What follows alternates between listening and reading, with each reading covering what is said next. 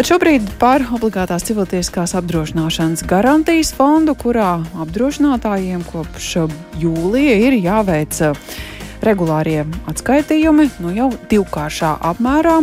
Fondā pieejamo līdzekļu apjoms nedaudz virs 14 miljoniem, un tas ir zemākais līmenis kopš 2015. gada. Kā tas ietekmē autovadītājus, kā šāda situācija izveidojusies, tie ir jautājumi, ko tūlīt varam uzdot Latvijas apdrošinātāju asociācijas prezidentam Jānim Abāšinam, kurš šobrīd pie mūsu tālruņa. Labdien! Jā, labdien! Jā, nu, 14 miljoni šķiet diezgan liela naudas summa. Kāpēc tad šobrīd tie atskaitījumi ir jāveic divkāršā apmērā? Nu, tā vienkārši sakot, tas ir tāpēc, ka garantijas fonda apmērs ir nokritis zem 15 miljoniem, un normatīvie akti paredz, ka, ja nokrīt zem šiem 15 miljoniem, tad eh, te, šīs te iemaksas jāmaksā jau dubultā apmērā. Mm -hmm. Un kāpēc summa ir nokritusi zem 15 miljoniem eiro? Jā, summa iet uz leju pakāpeniski, tāpēc, ka pirmkārt eh, mums bija viens apdrošinātājs balva, kurš tā kā aizgāja par, par skūju taku, un, un balvas vietā garantijas, garantija fonds jau ir izmaksājis 4 miljonus eiro un maksās vēl. Maksās vēl kādu pusotru miljonu, tā kā kopā no balvas, balvas vietā garantijas fonds būs izmaksājis kāds 5,6 miljonus pēc dažiem gadiem. Uh, Otrs aspekts ir tas, ka caur garantijas fondu mums vienīgajiem Eiropā vēl aizvien mēs maksājam, finansējam no garantijas fonda atlaides lauksaimniekiem un personām ar invaliditāti. Nu, un trešais aspekts ir tas, ka investīciju atdeva kā tāda ir ļoti, ļoti zema. Un tad būtībā sanāk tā, ka no garantijas fonda ātrāk tērējās nekā tur nāk iekšā. Tad droši vien ir īstais brīdis pavaicāt, uh, kas tad vispār ir tas garantijas fonds. Uh, bez tā, ka Jā. skaidrs, ka tie ir apdrošinātāji, kas ieskaita summu, ir kādi vēl veidi, kā tas papildinās un kur tad šī nauda tiek tērēta. Garantijas fonda būtība ir, garantijas fonds būtībā ir domāts divām lietām. Viena lieta ir tiem gadījumiem, kad kāds apdrošinātājs aiziet par šo skuju taku un kādam šī apdrošinātāja vietā ir jāmaksā, ja apdrošinātājs pats nav spējis to nomaksāt, šīs atlīdzības. Tas ir šis te balvas variants. Un otrs variants, ikdienas variants, attiecīgi garantijas fonds ir domāts tam, lai maksātu atlīdzības tiem cilvēkiem, kuri cieši avārijās un, uh, un, un attiecīgi, kuriem nu, tas vainīgais ir bez, bez, uh, bez spēkā esošas polises. Tā kā būtībā garantijas fondam ir šīs divas galvenās funkcijas. Pirmā ikdienišķā attiecīgi, ja nav pretējai pusē otstas polise, un otrs attiecīgi šis te apdrošinātāja aiziešana pa skuju taku. Tā kā šīs te ir divas galvenās lietas, jā. Cik daudz ir tādu ceļu satiksmes negadījumu dalībnieku vai aizraisītāju, kuriem izrādās nav apdrošināšanas polisi? Nu, Ots šķiet Latvijā jau ir tik sen, ka kā bez tās vispār var iztikt? Jā, Ots ir sena, kopš 97. gada, ja nemaldos, bet uh, iztikt īsti nevar un nevajadzētu, bet nu, vidēji mēs rēķinām, ka Latvijā aptuveni 2% transporta līdzekļu varētu būt, ka šī OCTA polise nav nopirkta. Nu, visbiežāk tas ir noteikti aizmāršības, aizmāršība, nu, citi, protams, mēģina arī kaut kādā veidā ietaupīt un tāpēc nenopērk šo te polisi. Bet, ja gadās šādā situācijā iekulties kādā satiksmes negadījumā, nu, tad tās sekas, diemžēl, ir ļoti, ļoti bēdīgas, un tas pasākums ir ļoti, ļoti dārgs. Cilvēkiem jāmaksā garantijas fondā nu, gadu desmitiem, lai, at, lai attiecīgi nu, kompensētu šīs izmaksas no garantijas fonda. Nu, tā kā teorētiski jau, ja vismaz par šo vienu bilances sadaļu, tad eh, tai summai vajadzētu atjaunoties. Eh, ja par pārējām jūs minējāt atlaides, kas jāmaksā no Otsta garantijas fonda, eh, tas ir jautājums, kas būtu pārskatāms kā citādi atbalstāmas šīs saimnieciskās un sociālās grupas. Jā, nu, mēs ar politiķiem un finanšu ministru jau labu laiku par to runājam, ka mēs vienīgi esam palikuši Eiropā ar šādu garantijas fondam netipisku funkciju un ka šo te sociālo funkciju vajadzētu dot, nu, kādam citam, nevis garantijas fondam. Bet, nu, protams, ir vēlēšanu gads un, un ir ļoti grūti šādu nepopulāru vai iespējams mazāk populāru lēmumu pieņemt. Tā kā, nu, ceram, ka pēc vēlēšanām mēs pie, vēlēšanām mēs pēc šī te, pie šī te jautājuma atgriezīsimies.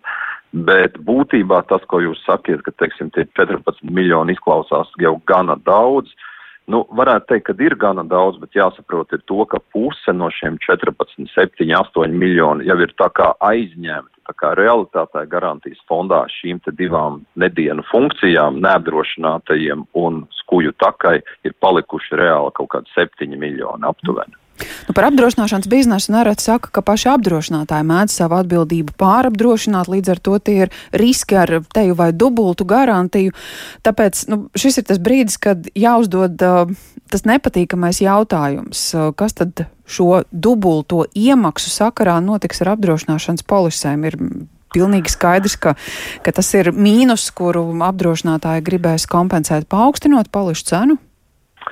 Nu, viennozīmīgi skaidrs, ka uh, noteikti šī dubultā iemaksa, kas apdrošinātājiem tagad garantijas fondā no 1. jūlija jāmaksā, skaidrs ir tas, ka tas nav, teiksim, faktors, kas uh, OCTA polišu cenas kaut kādā veidā pazeminātu. Skaidrs, ka tas nozīmē pretējo, ka tas ir kaut kāds faktors, kas spēlē par labu cenu pieaugumam. Vienu lietu gan ir jāatcerās tas, ka, teiksim, no polisēm šīs iemaksas garantijas fondā nav gigantisks. Parasti tie ir daži, daži desmitu centi vai daži eiro no polises. No, respektīvi, ja, nezinu, polise gadā maksā 50 vai 100 eiro, nu ņemsim 100, tad tā iemaksa garantijas fondā varētu būt pāris eiro. Nu, tad tagad pāris eiro vietā būs 4 eiro.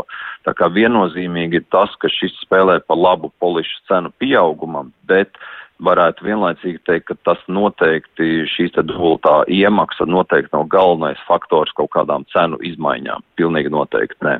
Ir šobrīd redzami kādi citi izteiksmīgāki faktori, lai cenas kāptu? Jā, pilnīgi viennozīmīgi ir izteiksmīgāki faktori un OCTA tā kā varētu teikt, nav vientuļa sala okeānā un, un vis, vistiešākā veidā tiek ietekmēta no divām lietām. Viens tas ir uh, autoremonta izmaksas, tā kā autoservisi un rezerves daļas.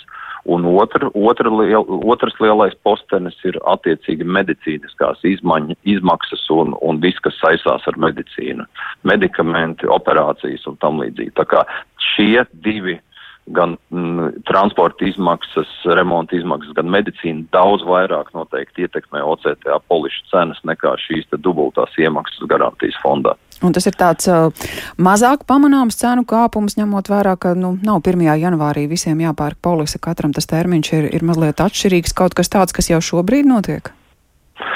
Nu, principā tas, ko mēs redzam, kad jā, polišu cenas ir kāpušas eh, pagājušā un šī gada laikā, par cik katram, nu, tas ir ļoti individuāls jautājums, cik ilgi un kādā veidā tas varētu turpināties, vai kādam kritīs pieaugs, to ir ļoti grūti prognozēt un nepateicīgi prognozēt.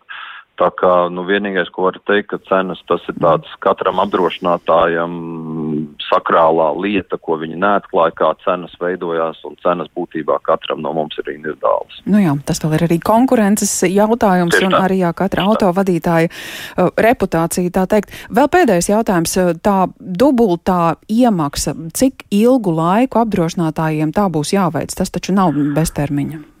Nē, tas nav beztermiņa. Tikko garantijas fonds atkal būs uzkrājis mazliet muskuļus un pārvēlies pāri šiem 15 miljoniem, tā atkal apdrošinātāji pāries atpakaļ uz šo vienreizējo iemaksu un dubultā iemaksa beigsies.